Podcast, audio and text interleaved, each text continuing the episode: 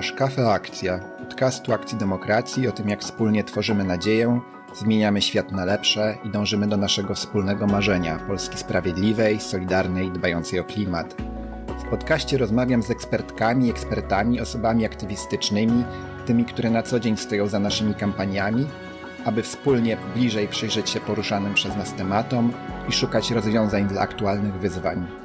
Ja nazywam się Piotr Cykowski i zapraszam Cię do wysłuchania rozmowy.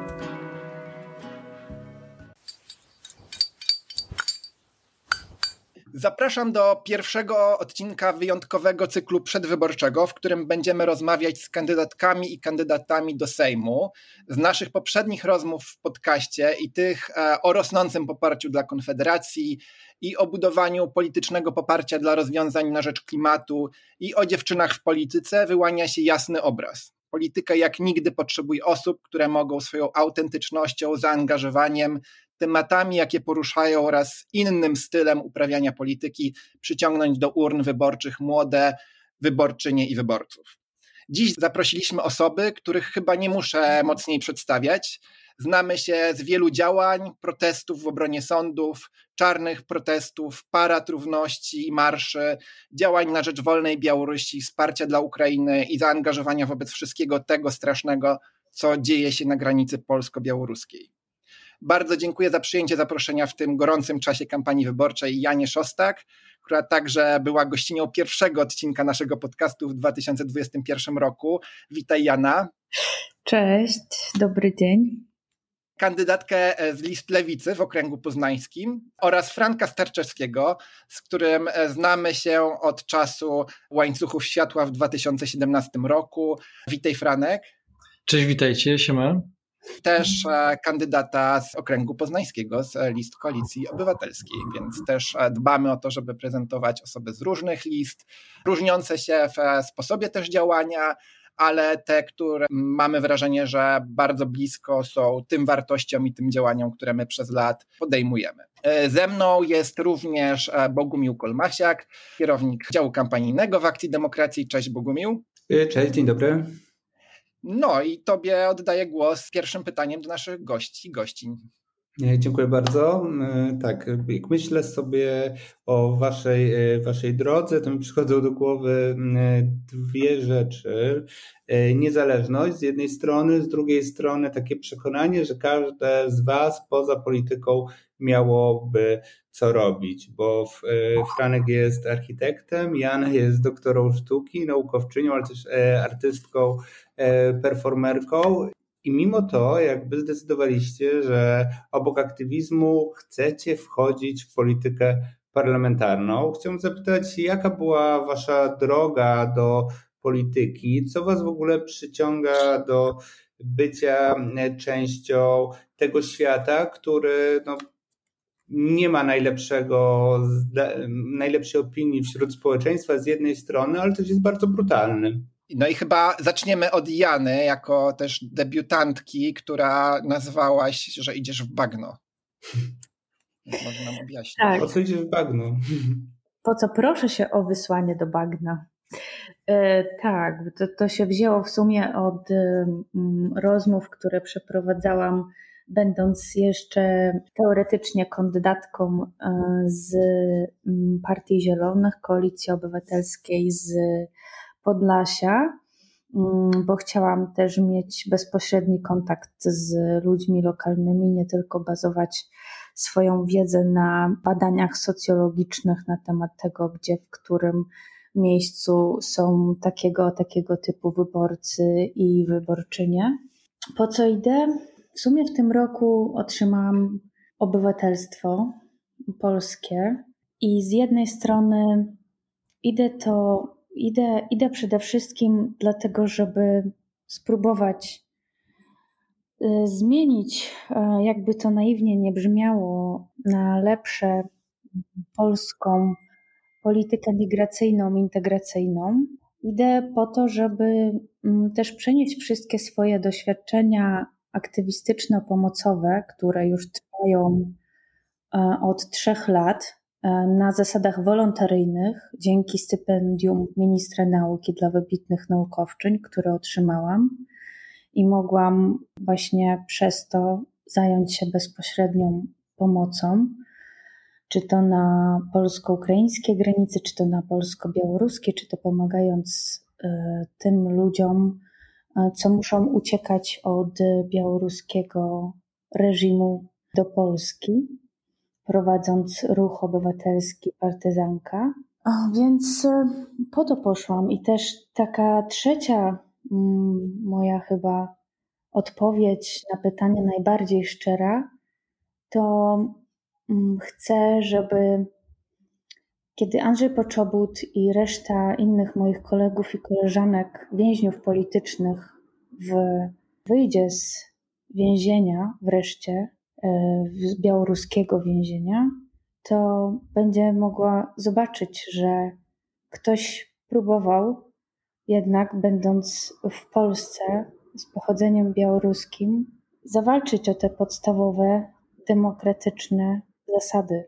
I po prostu wtedy mogłabym mieć czyste sumienie. No, ale też oczywiście mogłabym mówić o wiele więcej, bo mam wiele więcej innych powodów, tak jak chociażby zwiększanie nienawiści w stosunku do ludzi z Białorusi, Ukrainy, nowo przybywających osób na terenie Polski.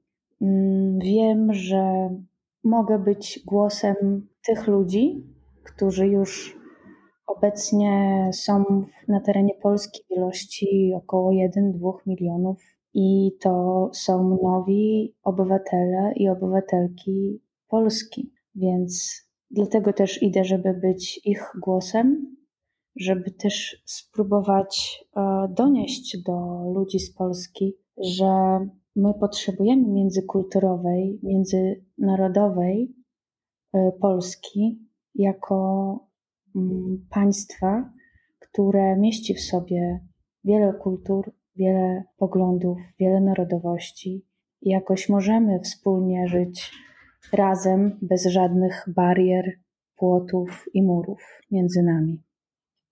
Dzięki Ena. A jak było z Tobą, Franek? U mnie ta ścieżka jest w miarę podobna, bo poza tym, że z Janą też kończyliśmy ten sam uniwersytet artystyczny w Poznaniu, e, to również e, spełnialiśmy się w działaniach aktywistycznych e, pomiędzy sztuką a, a polityką i też, też poczułem, że ten krok w stronę polityki jest tym kolejnym. W moim przypadku to chodziło też o to, że jeżeli uczestniczę w wielu protestach lub organizuję protesty właśnie w obronie podstaw demokracji, w obronie niezawisłości sądownictwa, czy w obronie praw kobiet, w obronie klimatu, w obronie praw e, młodych osób, bardzo różnych sprawach, no to mm, ten głos jest mocniejszy, kiedy jest się w Sejmie e, oraz e, ma się sprawczość, tak? Mniejszą lub większą. Po prostu z tego tłumu idzie się do miejsca, w którym ma się chociaż ten jeden głos, jeden na 460, który można wyrażać, który jest, od którego dużo zależy, bo to jest ważne, prawda? Czy ten głos e, będzie na tak, na nie, czy będzie wstrzymujący y, w dowolnej sprawie. I nawet jeśli mm, jesteśmy teraz e, prawda, opozycją, mniejszością, i nawet jeśli ten głos nie jest e, przeważający, to, to jest ekstremalnie ważne dla tych wszystkich ludzi protestujących poza Sejmem, żeby oni widzieli, że jest ktoś w Sejmie, kto reprezentuje ich wartości, walczy o ich sprawy na każdym możliwym polu lub też interweniuje w sytuacji, kiedy te e, ich prawa są łamane, czy na protestach e, w sytuacji, kiedy kobiety były pałowane przez policję, czy młodzieżowy strajk klimatyczny, gdy po prostu były młode osoby zabierane na komisariaty, czy też osoby uchodźcze tak, na granicy polsko-białoruskiej traktowane w sposób brutalny i haniebny. Wszędzie, gdzie się dało, przez te cztery lata mojej pierwszej kadencji interweniowałem, starałem się po prostu być tam, gdzie e, prawa człowieka były naruszane i gdzie interwencja poselska była konieczna e, lub zwrócenie uwagi, że władza nadużywa swoich praw. I myślę, że to jest ważne, że właśnie nawet jedna osoba, nawet jedna interwencja, nawet jeden głos jest naprawdę ważny, żeby po prostu ci wszyscy ludzie doświadczający przemocy ze strony państwa lub Mm, niewystarczającej pomocy na wielu różnych polach, po prostu widzieli sens e, w całym tym procesie demokratycznym, pomyśleli, ok, jest, jest trudno, jest ciężko, ale może jak pójdziemy, zagłosujemy, albo jeszcze przekonamy swoich przyjaciół i, i rodziny, to pewnego dnia to będzie większość, to będzie e, gwarant, gwarancja e, szacunku dla praw wszystkich osób w Polsce i że być może jeszcze nie będziemy emigrować, jeszcze się nie poddajemy, tylko wciąż będziemy głosować i wciąż e, wierzymy, że przyszłość może być po prostu pozytywna. Stąd taka moja motywacja za pierwszym krokiem i teraz co do kontynuacji tej misji. To ja bym chciał teraz e, Was e, zapytać o konkrety, bo oczywiście protestowanie jest ważne, ale też ważne jest wychodzenie z propozycją i załatwianie konkretnych spraw. No właśnie, i chciałem Was zapytać o takie dla nas najważniejsze rzeczy z perspektywy akcji demokracji obszary, to jakie wy macie takie rzeczy, które uważacie, że są kluczowe do załatwienia w ciągu tych symbolicznych pierwszych 100 dni, jeżeli będziecie w parlamencie e, i będziecie mogli głosować, ale też wpływać na to, jakie projekty będą składane, które będą miały priorytet. E, I to chyba Franek teraz kontynuując od ciebie bym zaczął, myśląc, e, to tak wiesz, tak konkretnie 100 dni i co dla klimatu i przyrody jakie, jakie, jakie najważniejsze rzeczy do załatwienia? No właśnie, e, jak pytamy o klimat i przyrodę, to też e, to wszystko też jest związane z tak naprawdę właśnie z prawami człowieka, więc to e, gdzieś tam się łączy jako system naczyń powiązanych, ale oczywiście, jeśli chodzi o klimat, to bym podzielił tę kwestię na dwa obszary. Po pierwsze, musimy zrobić wszystko, żeby jak najszybciej zatrzymać emisję, zatrzymać e, zmiany klimatyczne na tyle, na ile to jest możliwe, a po drugie, musimy przygotować nasze państwo i miasta na już e, zmieniający się klimat, na e, ulewne deszcze, na przeciągające się susze, czyli mm, po prostu po prostu przygotować się na to, co już się teraz dzieje, co, co obserwujemy. E, tak jak w, w, ten, e, w, w tych ostatnich dniach widzieliśmy e, zalaną trasę w Warszawie, po której jakiś człowiek na, na desce sobie pływał. Więc jeśli chodzi o ten pierwszy obszar, to po pierwsze to, co można zrobić natychmiast, to na przykład zmienić ustawę wiatrakową, którą niestety PiS próbował zmienić zgodnie z unijnymi E, wymaganiami, e, ale zmienił jak zwykle w sposób teoretyczny, ruchem pozorowanym. E, wszyscy chcieli zmiany zasady 10H na po prostu 5H przynajmniej. Niestety na ostatniej prostej się okazało, że poseł Suski dał poprawkę, że do 700 metrów mogą powstawać wiatraki od zabudowań przez co wyłączył po prostu e, ponad 90% obszarów możliwych do instalowania tego typu e, elektrowni wiatrowych. Więc po pierwsze, e, ustawa wiatrakowa. Po drugie, no, generalnie musimy myśleć ogólnie o, no, o zrównoważonej transformacji energetycznej, czyli musimy E, musimy wspierać, e, państwo musi wspierać samorządy prywatnych e, producentów czy prosumentów, którzy chcieliby instalować instalacje fotowoltaiczne. Tutaj też istniał program, który po prostu był zawieszony. To musi mieć priorytet, to musi być rozwijane, czyli po prostu priorytet dla OZE.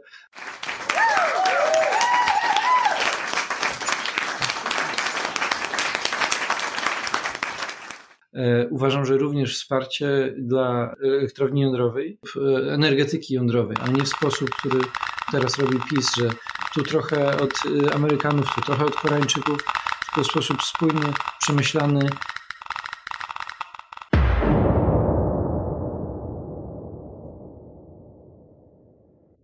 tak, żeby po prostu to bezpieczeństwo energetyczne było naprawdę stabilne. To jest ważne w obliczu wojny e, w Ukrainie, żebyśmy byli niezależni od paliw kopalnych.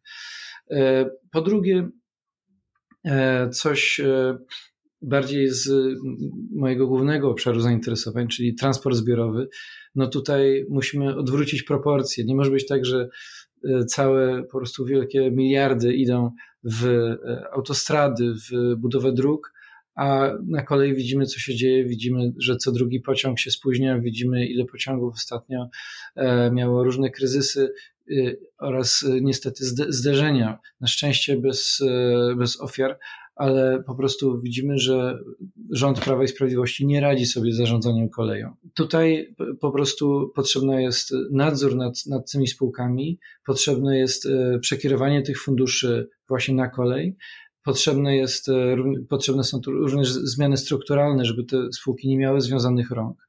E, potrzebna jest współpraca z prywatnymi przewoźnikami. Nie może być tak, że PKP nie wpuszcza e, innych prywatnych przewoźników na zasadzie psa ogrodnika, tylko tu musi być szeroka oferta dla pasażerów i pasażerek. Tak? To jaką byś proponował ustawę, żeby usprawnić transport i przekierować transport na, na tory?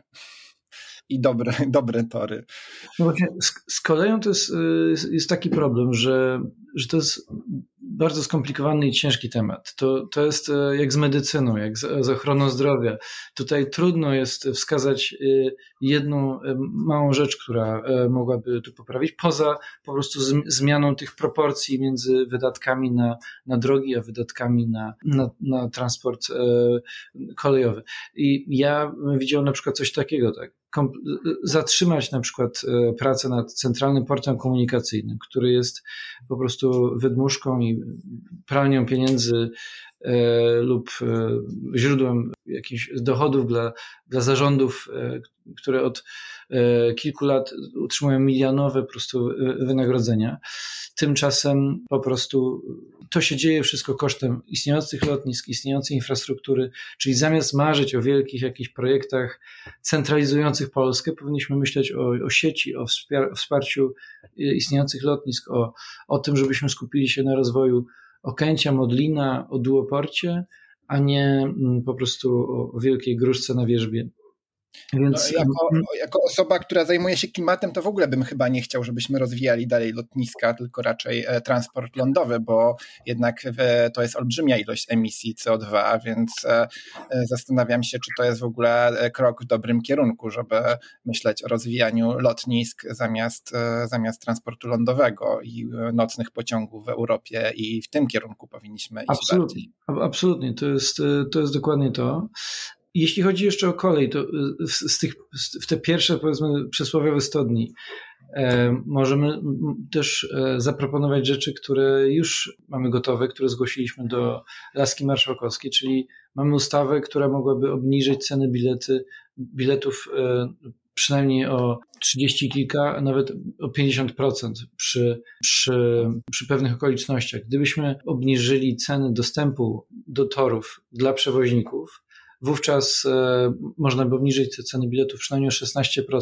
Przy kilku innych e, e, czynnikach przy wpisaniu kolei do, do, do po prostu podmiotów podstawowych, krytycznych, tak jak po prostu energetyka, tak jak ochrona zdrowia, tak jak instytucje oświaty, które właśnie w związku z tym płacą najniższe rachunki za prąd na przykład, i, i przy kilku jeszcze czynnikach moglibyśmy naprawdę mieć bilety 50% tańsze.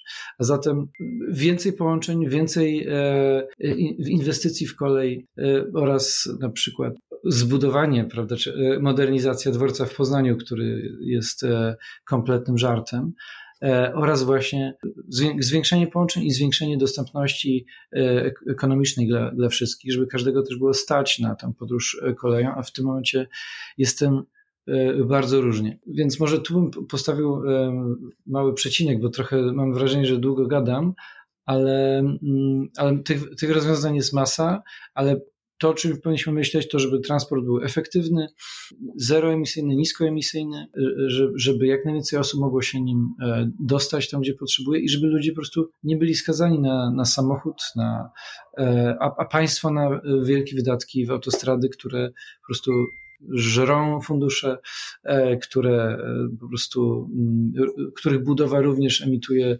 dwutlenek węgla i jest to po prostu jakieś kółko zamknięte, które trzeba w inną stronę przekierować.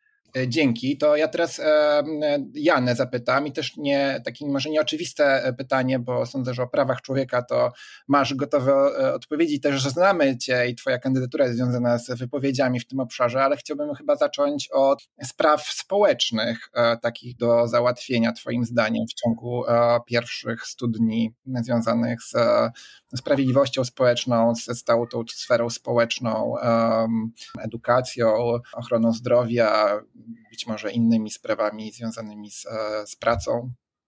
Mhm. To dla Ciebie byłoby najistotniejsze. Tak, no to może jeżeli za, zacząwszy od edukacji, która jest dla mnie również oczywiście istotna bardzo, bo inaczej bym nie studiowała 12 lat pod rząd. Dla mnie ważne jest e, uświadomienie dla większego grona wyborców i wyborczyń oraz obywateli i obywatelek Polski, o co, o co chodzi tak naprawdę z tym murem.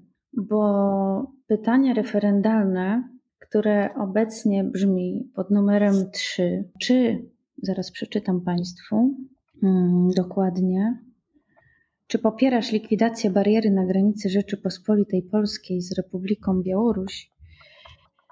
E, powinno brzmieć zupełnie inaczej. Czy popierasz ochronę najcenniejszego obiektu przyrodniczego w Polsce i Europie, czyli Puszczy Białowieskiej, tak aby służył przyszłym pokoleniom Polek i Polaków? Niestety ta narracja, w której e, trwamy już od wielu lat mm, obecnych rządów, ona jest po to, żeby dzielić, żeby mm, spłaszczać komunikaty, żeby mm, mówić, że ludzie, którzy stanowczo odpowiadają założenie na pytanie referendalne, na które są tylko dwie odpowiedzi, są nieodpowiedzialne. Czyli zakładają, że część osób, która odpowie tak, już teraz, bez wyników tego referendum, mówi, że jesteśmy osobami nieodpowiedzialnymi, co oczywiście nie jest prawdą. Więc taki, takie podstawowe rzeczy, czyli spokojna rozmowa, wspólna e, na temat tego muru, katastrofy humanitarnej, która dzieje się na granicy polsko-białoruskiej, to chciałabym mm, zainicjować e, już e, w nowym, mam nadzieję, rządzie. Dlaczego tak mówię? I dlaczego o tym mówię? Dlatego, że kilka dni temu radna PiS zwołała konferencję prasową w Poznaniu na temat mojego startu bez mojego udziału. Wy, wypowiedziała słowa o tym, że jestem nieodpowiedzialna, zagrażam e, bezpieczeństwu państwa i chciałaby z kolei przeprowadzić merytoryczną rozmowę i dyskusję ze mną Natomiast niestety nie przyjęła zaproszenia ode mnie na konferencję prasową, która będzie się odbywać dzisiaj, bo powiedziała, że konferencje to nie miejsce na dyskusję. Ale czym jest tak naprawdę dyskusja, jak nie umiejętnym sposobem zadawania pytań oraz szukania konkretnych odpowiedzi, a nie wicia się dookoła tak, żeby przewrócić i wywrócić wszystko do góry nogami. E, więc e, na tym mi bardzo by zależało, na, nie na takim przekrzykiwaniu się, bo e, krzyk, jak wiadomo, osobiście używam tylko jako element protestacyjny albo performatywny w swoich działaniach, tylko na rozmowie, zaproszeniu chociażby sektora NGO, grup aktywistycznych, które nie są wysłuchane moim skromnym zdaniem e, odpowiednio wśród osób obecnie rządzących. Bo gdyby naprawdę wysłuchiwali i naprawdę przysłuchiwali się, to nie, ten mur za jedynie 6 miliardów złotych nie zostałby postawiony, tylko najpierw powstałoby pytanie referendalne na temat tego, czy ten mur w ogóle budować. Ale niestety to nie zostało zrobione.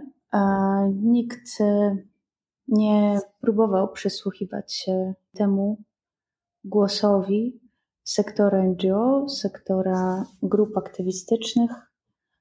I też to jest ciekawy zarzut y, ze strony poszczególnych rządzących obecnie, że jestem niepoważna, bo mm, wywodzę się z tego środowiska, czyli ze środowiska ludzi, którzy najpierw praktykują, a potem teoretyzują. To jest e, dla mnie w sumie chyba najważniejsze, żeby spróbować jednak e, zbudować ten dialog, rozmowy. No, temu przykładem są różne formy zapraszania, tworzenia dyskusji e, w takich krajach jak e, Francja czy Niemcy. Jest to już, że tak powiem, praktyka powszechna i nie, dos- i nie nowa, a w Polsce to wciąż niestety jesteśmy na poziomie średniowiecza i przykrzykiwania się, e, w sumie takiego tworzenia nawet nie ping-pongu, tylko squasha czyli takiego gadania do, do ściany. Ja robię własną konferencję prasową, pani robi własną, a razem wspólnie e, nie możemy porozmawiać, chociaż jest w teorii założenie i prośba o merytoryczną e, dyskusję i rozmowę, no, której niestety wciąż cały czas nie ma. To ja, to ja bym chyba tutaj zadał pytanie, Franek, tobie, bo ty już masz to doświadczenie bycia w polityce i bycia outsiderem i też bycia często no, na marginesie tego, co znaczy, kry, by, by, jesteś krytykowany też za po prostu stanie po stronie wartości i działanie zgodnie z tym, co myślisz i mówienia tego, co myślisz. I też no, ten temat chociażby wsparcia na granicy, no też mocno, że tak powiem, użyję kolokwialnie, oberwałeś po głowie politycznie, byłeś wyśmiewany. I to jest moje chyba takie pytanie, też myślę, że już zbliżamy się do końca i nie zdążymy wszystkich wątków ciekawych nas poruszyć, ale czy ty widzisz e, albo no właśnie przestrzeń w polityce na taką rzeczową e, dyskusję, albo raczej wolałbym nawet zapytać, jak ją tworzyć i czy masz jakieś takie dobre przykłady, no bo bez tego faktycznie trudno ruszyć pewne sprawy, ale wiemy, że chociażby ten temat, który dla was obydwu jest bardzo bliski, jak kryzys uchodźczy, generalnie w polityce jest spychany totalnie na margines, chociażby tak samo jak debata o rozwiązaniach mających nas uratować przed e, erą globalnego wrzenia, właśnie o których rozmawialiśmy o klimacie, nie? że są takie tematy, które po prostu dla mainstreamowej polityki są niewygodne, dlatego nam też wydaje się, że tak bardzo ważne są osoby, które będą tam wchodziły i mówiły, ale pytanie z Twojego doświadczenia, jak to robić i czy to w ogóle możliwe jest taka e, rzeczowa dyskusja, będąc w środku w polityce i w parlamencie? Myślę, że absolutnie dyskusja jest e, potrzebna, tylko pytanie z kim? Bo to jest tak, że z rządzącymi widzimy, że w, tej, w tym obszarze, jak i w, niestety wielu innych, nie ma pola do dyskusji. Trzeba wyrażać e, oczekiwania, jak być powinno. Ale e, trzeba rozmawiać z osobami no, nie, nie posiadającym zdania lub zastanawiającymi się, wahającymi nad tymi kwestiami i e, im trzeba komunikować, e, przedstawiać swoje argumenty i, i czasem tłumaczyć, e, na czym polegają prawa człowieka, na czym polega łamanie prawa w tym przypadku, jak ta sytuacja wygląda na miejscu i czym się różni od tego, jak to pokazują właśnie media prorządowe. Ja po prostu uważam, że po wygranych wyborach, które po, po, wyborach, które mam nadzieję będą wygrane przez e, Partie Demokratyczne, e, po prostu uda się zatrzymać to piekło na granicy polsko-białoruskiej. Nikt więcej tam nie zginie i że po prostu każdej osobie będzie udzielana pomoc. E, każda będzie po prostu mogła otrzymać coś do picia, coś do zjedzenia.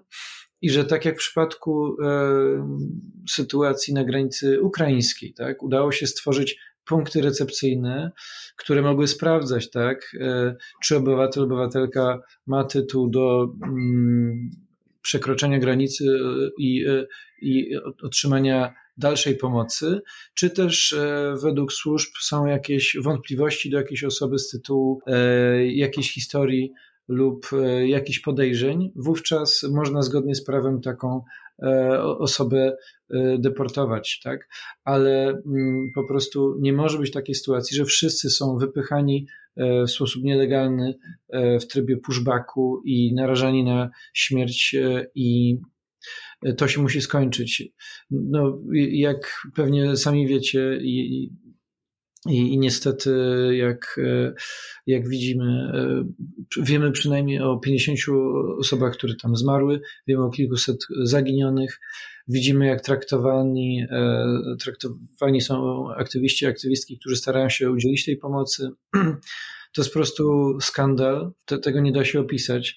E, to jest zniszczenie po prostu województwa, tylko dlatego, że ta władza stara się używać muru, używać e, całej tej sytuacji e, jako teatr przemocy po to, żeby straszyć ludzi lub wywoływać lęki, e, po to, żeby pokazać, że tylko ta władza jest w stanie obronić przed jakimś zagrożeniem. Więc, e, więc wszystko to jest straszne, przypomina najgorsze momenty z XX wieku i, i to się musi skończyć. I uważam, że jest możliwe e, utrzymanie bezpieczeństwa na granicach przy jednoczesnym e, szacunku i przestrzeganiu praw człowieka. Jedno nie może wykluczać drugiego. Więc, więc mam, mam wielką nadzieję, że, że, że to się uda zmienić. A zdarzało ci się, przepraszam, że ci wejdę słowo, bo to jest e, w tym temacie, czy zdarzało ci się rozmawiać z politykami na przykład PiSu, bo to jest jednak 230 osób e, prawie i ciężko sobie wyobrazić, że ten dramat, który dzieje się na granicy i cierpienie ludzi w ogóle nie rusza nikogo z nich. Czy oni nie widzą tych obrazów? Część z nich ma historię pomagania uchodźcom, jak na przykład sam Mariusz, e, Mariusz Kamiński, który był rzecznikiem sprawy czeczeńskiej w polskim parlamencie. Więc jak myślisz, dlaczego oni tego nie widzą? Oni używają tej sytuacji po prostu bardzo cynicznie, tylko jako narzędzie e, po prostu propagandowe, tak? To dostarcza im obrazków do TVP, przez to pokazują, że y, jest wielkie zagrożenie, są barbarzyńcy, którzy chcą tu przyjść i e, zrobić komuś krzywdę, e, a tutaj mm, władza pręży muskuły i, i broni, co jest kompletnie nieprawdą, bo mur nie działa, y, kilkaset osób y, już kilka tysięcy mimo tego muru przekroczyło granicę w sposób właśnie niekontrolowany, w sposób e, zupełnie e, mm, poza, poza, poza wszelką obserwacją służb. I to, I to jest ten problem, tak, że ta propaganda rozmija się z rzeczywistością. A zatem nie powinniśmy znowu inwestować w beton, w jakieś żelastwo, tylko w ludzi, którzy powinni być na tej granicy, którzy powinni udzielić pomoc i sprawdzić e, po prostu e, każdą osobę, która tą granicę przekracza i zdecydować o jej, o jej dalszym losie i rozpatrzyć jej, jej, wniosek o azyl międzynarodowy. To jest, to jest prawo, które powinno być przestrzegane, a które jest łamane przez polski rząd i to jest ten problem. Więc e, jeśli pytasz, jak to jest, że właśnie takie osoby jak, jak pan Kamiński tak, tak działają, to e, ja myślę, że on może w głębi ducha ma jakieś wyrzuty sumienia i nie wiem, nie mam pojęcia, co się może dziać w jego sercu, ale, ale niestety straszne jest to, że oni zachowują się w sposób e, no tutaj skrajnie rasistowski, skrajnie antyludzki, przemocowy. To jest po prostu najgorsze, co państwo może robić. Szczuć na innych e, tylko dlatego, że mają inny kolor skóry, inne, wyzna, inne wyznanie. To jest e, po prostu skrajnie nieodpowiedzialny nacjonalizm, który może na krótką metę da im trochę nie wiem, poparcia w ich bańce, ale nawet, ale wszyscy, którzy mieszkają na Podlasiu, czy są e, prawicowi, czy bardziej lewicowi, jakby widzą, że to wszystko nie działa, że to jest teatr przemocy, teatr e, e, po prostu nienawiści. I wszyscy cierpią z tego powodu, tak? I i też wszyscy, może nie wszyscy, ale, wiele osób, mimo tej propagandy mm, w mediach prorządowych, po, udziela pomocy. Tak? I to jest niesamowite. Ci ludzie są naprawdę bohaterami. Więc ja to podziwiam i, i, i po prostu nie może być tak, że ci ludzie są sami z tym. I znowu, tak jak w COVID-zie, służby nie działały, a po prostu wszystko, wiele się udało dzięki ludzkiej solidarności. Tak samo z uchodźcami z, z Ukrainy, tak samo właśnie na granicy białoruskiej. Mamy potężne, wspaniałe społeczeństwo obywatelskie, a słabe państwo, które jest tylko silne wobec e, właśnie ludzi, którzy, którzy wymagają pomocy, którym ta pomoc powinna być udzielona. Więc to jest ten paradoks, który musi się zmienić.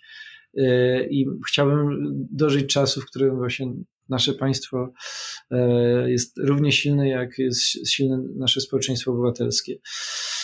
E, Powoli będziemy zmierzać do końca. Też jest, e, wiem, że gorący czas kampanii i Jana niestety też dziękuję wszystkim osobom słuchającym i musiała nas po prostu pożegnać i wybiegać w dalsze działania. Jak wiemy, jest osobą, która robi bardzo wiele rzeczy być może właśnie konferencja, o której, o której wspominała. E, więc Bogumił, czy to jeszcze jest na koniec jakieś takie mm, pytanie, które by kogoś nakierowało nas jakieś takie pozytywne tropy myślenia o tym, co się może wydarzyć w najbliższym czasie?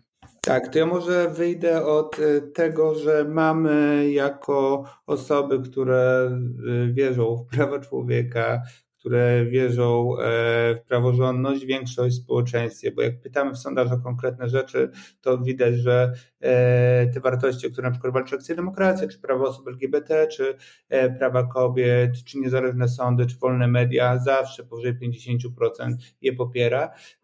Więc czy myślisz, że ta jesień przyniesie nam realną zmianę? I jaką zmianę chciałbyś widzieć, tak bardziej na poziomie meta? No właśnie, to jest bardzo ciekawe pytanie. To znaczy, ja wierzę w zwycięstwo, wierzę, że uda się zmienić tą władzę. To jest bardzo ważne, bo kolejne lata PiSu mogą oznaczać, że zbliżymy się do Węgier i że kolejne wybory byłyby naprawdę już tylko jedną listą e, wszystkich partii wobec PiSu który byłby jeszcze bogatszy, jeszcze większy, jeszcze bardziej zakorzeniony, jeszcze bardziej autorytarny, e, na przykład przy blokujący media i społeczeństwo obywatelskie. Więc e, wierzę, że to jest naprawdę final countdown, być może faktycznie ostatnia chwila na e, utrzymanie demokracji w Polsce.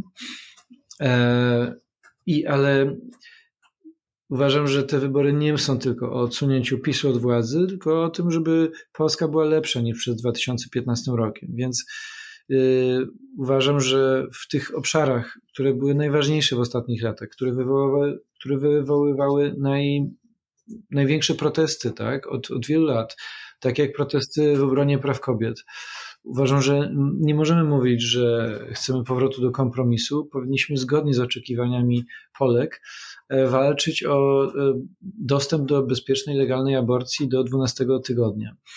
Poza tym e, powinniśmy walczyć o to, żeby każda Polka miała dostęp do ginekologa, do opieki prenatalnej, do, do wszystkiego wokół tematu mm, prawda, mm, praw reprodukcyjnych które nie są w Polsce mm, e, dostępne, nie są przestrzegane. Więc, e, więc to, jest, to jest pierwsza, myślę, że podstawowa rzecz. E, druga, dla mnie bardzo ważna, jako poznaniaka, z którego mieszkańca Poznania, z, z którego pochodzi na przykład grupa Stonewall i wiele innych organizacji, czyli prawa osób LGBT.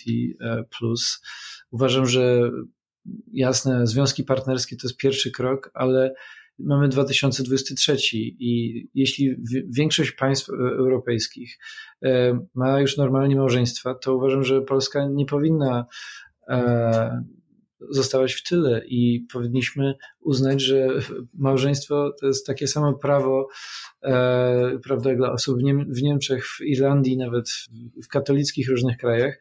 W związku z tym polskie pary również powinny takie prawo mieć e, zagwarantowane.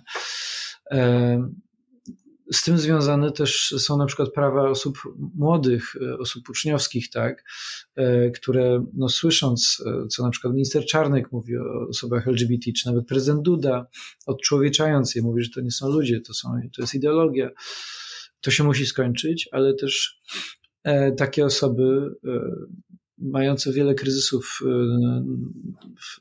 na polu zdrowia psychicznego muszą otrzymywać wsparcie. Nie może być tak, że e, psychiatria dziecięca nie jest dofinansowana, że mimo obiecanych milionów nic się nie dzieje w tym obszarze, że wiele osób nie ma dostępu do psychologa w szkole, a, a, a psycholog w każdej szkole naprawdę powinien być absolutnym standardem. I, i tak dalej, i tak dalej. To, to, to są naprawdę no widzimy, co się dzieje, widzimy, jaki jest kryzys i musimy zrobić wszystko, żeby to pokolenie tak naprawdę uratować, które jest tłamszone, prawda, przez dziadostwo na każdym e, kroku. E, więc, e, więc to wszystko jest ze sobą blisko związane. Trzecia rzecz związana jest też z tym, o czym rozmawialiśmy przed chwilą, czyli z kwestią osób innego pochodzenia z migrantami, migrantkami, tak?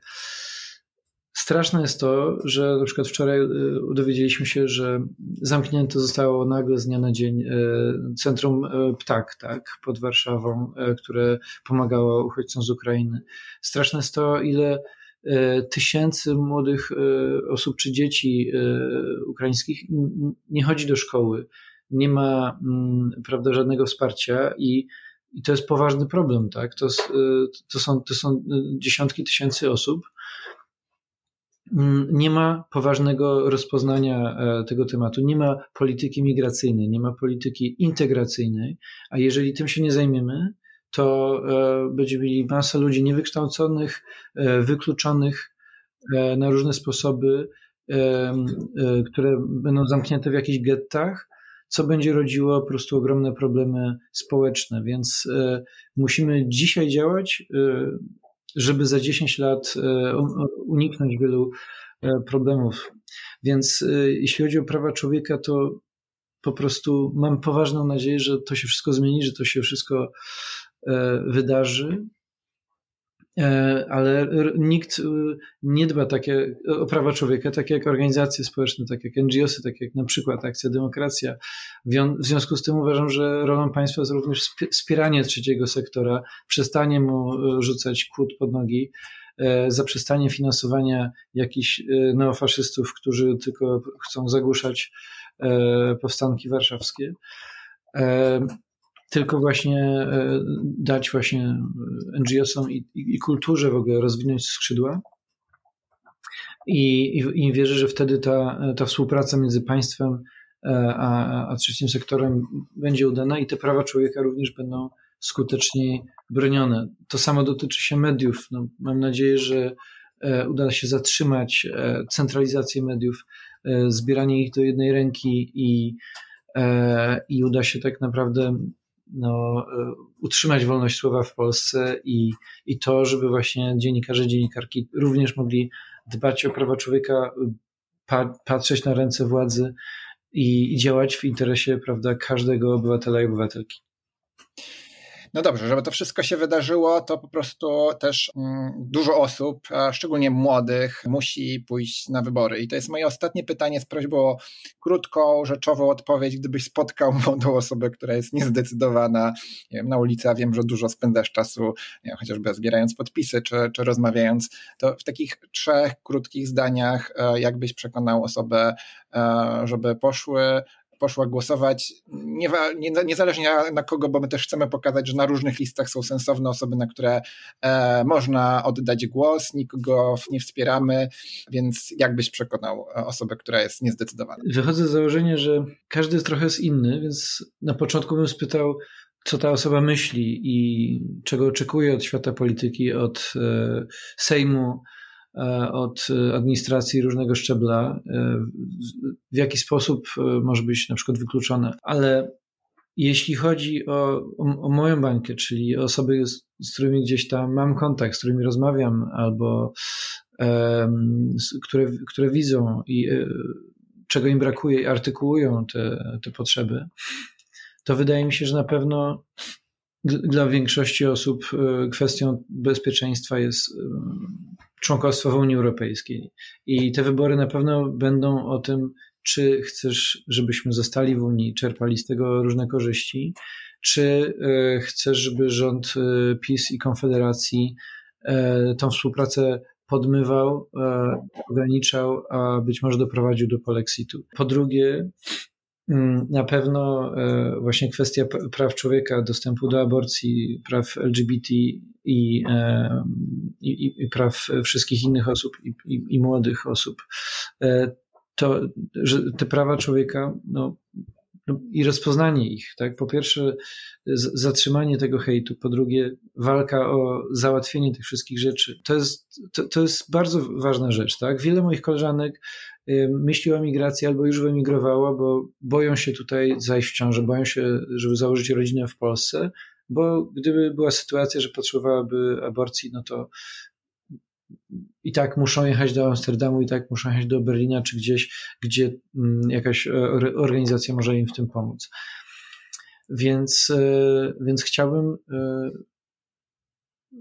ja bym chciał zapewnić, że, że, może nie zapewnić, ale chciałbym, żeby państwo zapewniło takim osobom i chciałbym, żeby takie osoby po prostu nie bały się żyć w, w państwie polskim. E, żeby mm, po prostu miały poczucie, że mogą się tu rozwijać, żeby miały poczucie, że, e, że, że, że, że mają zapewnione podstawowe bezpieczeństwo, tak? A po trzecie, po prostu szeroko rozumiane usługi publiczne, tak? czyli e, transport publiczny, ochrona zdrowia, e, edukacja. E, słowem, ja wiem, że teraz mamy kryzys zaufania do państwa i widzimy, jak państwo nie działa na wielu obszarach ale, mm, e, ale wierzę, że to państwo jest rozwiązaniem wielu naszych społecznych i wspólnotowych e, problemów, wyzwań. W związku z tym takiej napotkanej osobie bym powiedział, słuchaj, wiem, że jest trudno, ale naprawdę współpracując, działając razem, możemy odbudować to państwo e, w stronę właśnie demokracji rozpoznającej i, i szanującej prawa człowieka i Polski urzeczywistniającej zasady e, sprawiedliwości społecznej, tak? No i tutaj, tutaj będziemy stawiać kropkę, ponieważ też no, e, jakoś mi niezręcznie, że Jany nie ma i też nie możemy jej oddać głosu, żeby była jakaś zagwarantowana równość. Sądzę, że byście mówili podobne rzeczy, ale też chętnie bym ją o to dopytał. Ale też dla mnie taka konkluzja z tej rozmowy, że no właśnie, widzimy polityków, polityczki z, gazet, z tych krótkich doniesień, z tych różnych skandali. Ja się bardzo cieszę, że mieliśmy tutaj taki czas na e, swobodniejszą rozmowę, której mam wrażenie bardzo, bardzo E, brakuje. Pewnie sam wiesz, jak e, idziesz do radia, czy gdzieś masz trzy minuty na wypowiedź, więc cieszę się, że tworzymy taką przestrzeń, żeby trochę poznać osoby, które e, chcą iść do polityki albo są w polityce, mają to doświadczenie, żeby podzieliły się tymi swoimi doświadczeniami.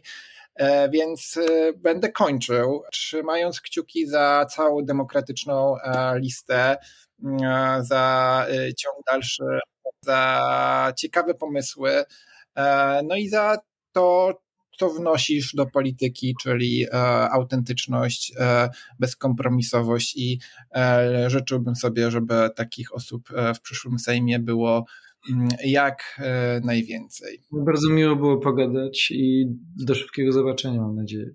Do zobaczenia, powodzenia. Jeśli spodobał Ci się ten podcast, uważasz, że to ważny temat i warto, aby dowiedziało się o nim więcej osób, Udostępnij go znajomym w mediach społecznościowych. Tak ludzie dowiadują się o podcastach. Dzięki Tobie więcej osób będzie mogło włączyć się w działania, aby zmieniać otaczającą nas rzeczywistość. Zachęcam Cię także do kliknięcia Obserwuj w aplikacji, z której korzystasz, a jeśli słuchasz w Spotify, zostaw nam 5 gwiazdek oraz napisz, co sądzisz o tym odcinku.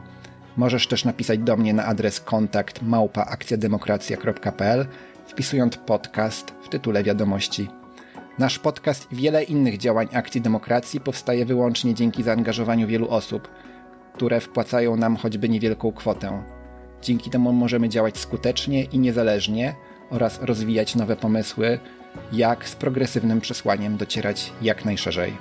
Zapraszam Cię do dorzucenia się. To proste. Wejdź na stronę www.akcjademokracja.pl i skorzystaj z bezpiecznego systemu płatności. I do usłyszenia.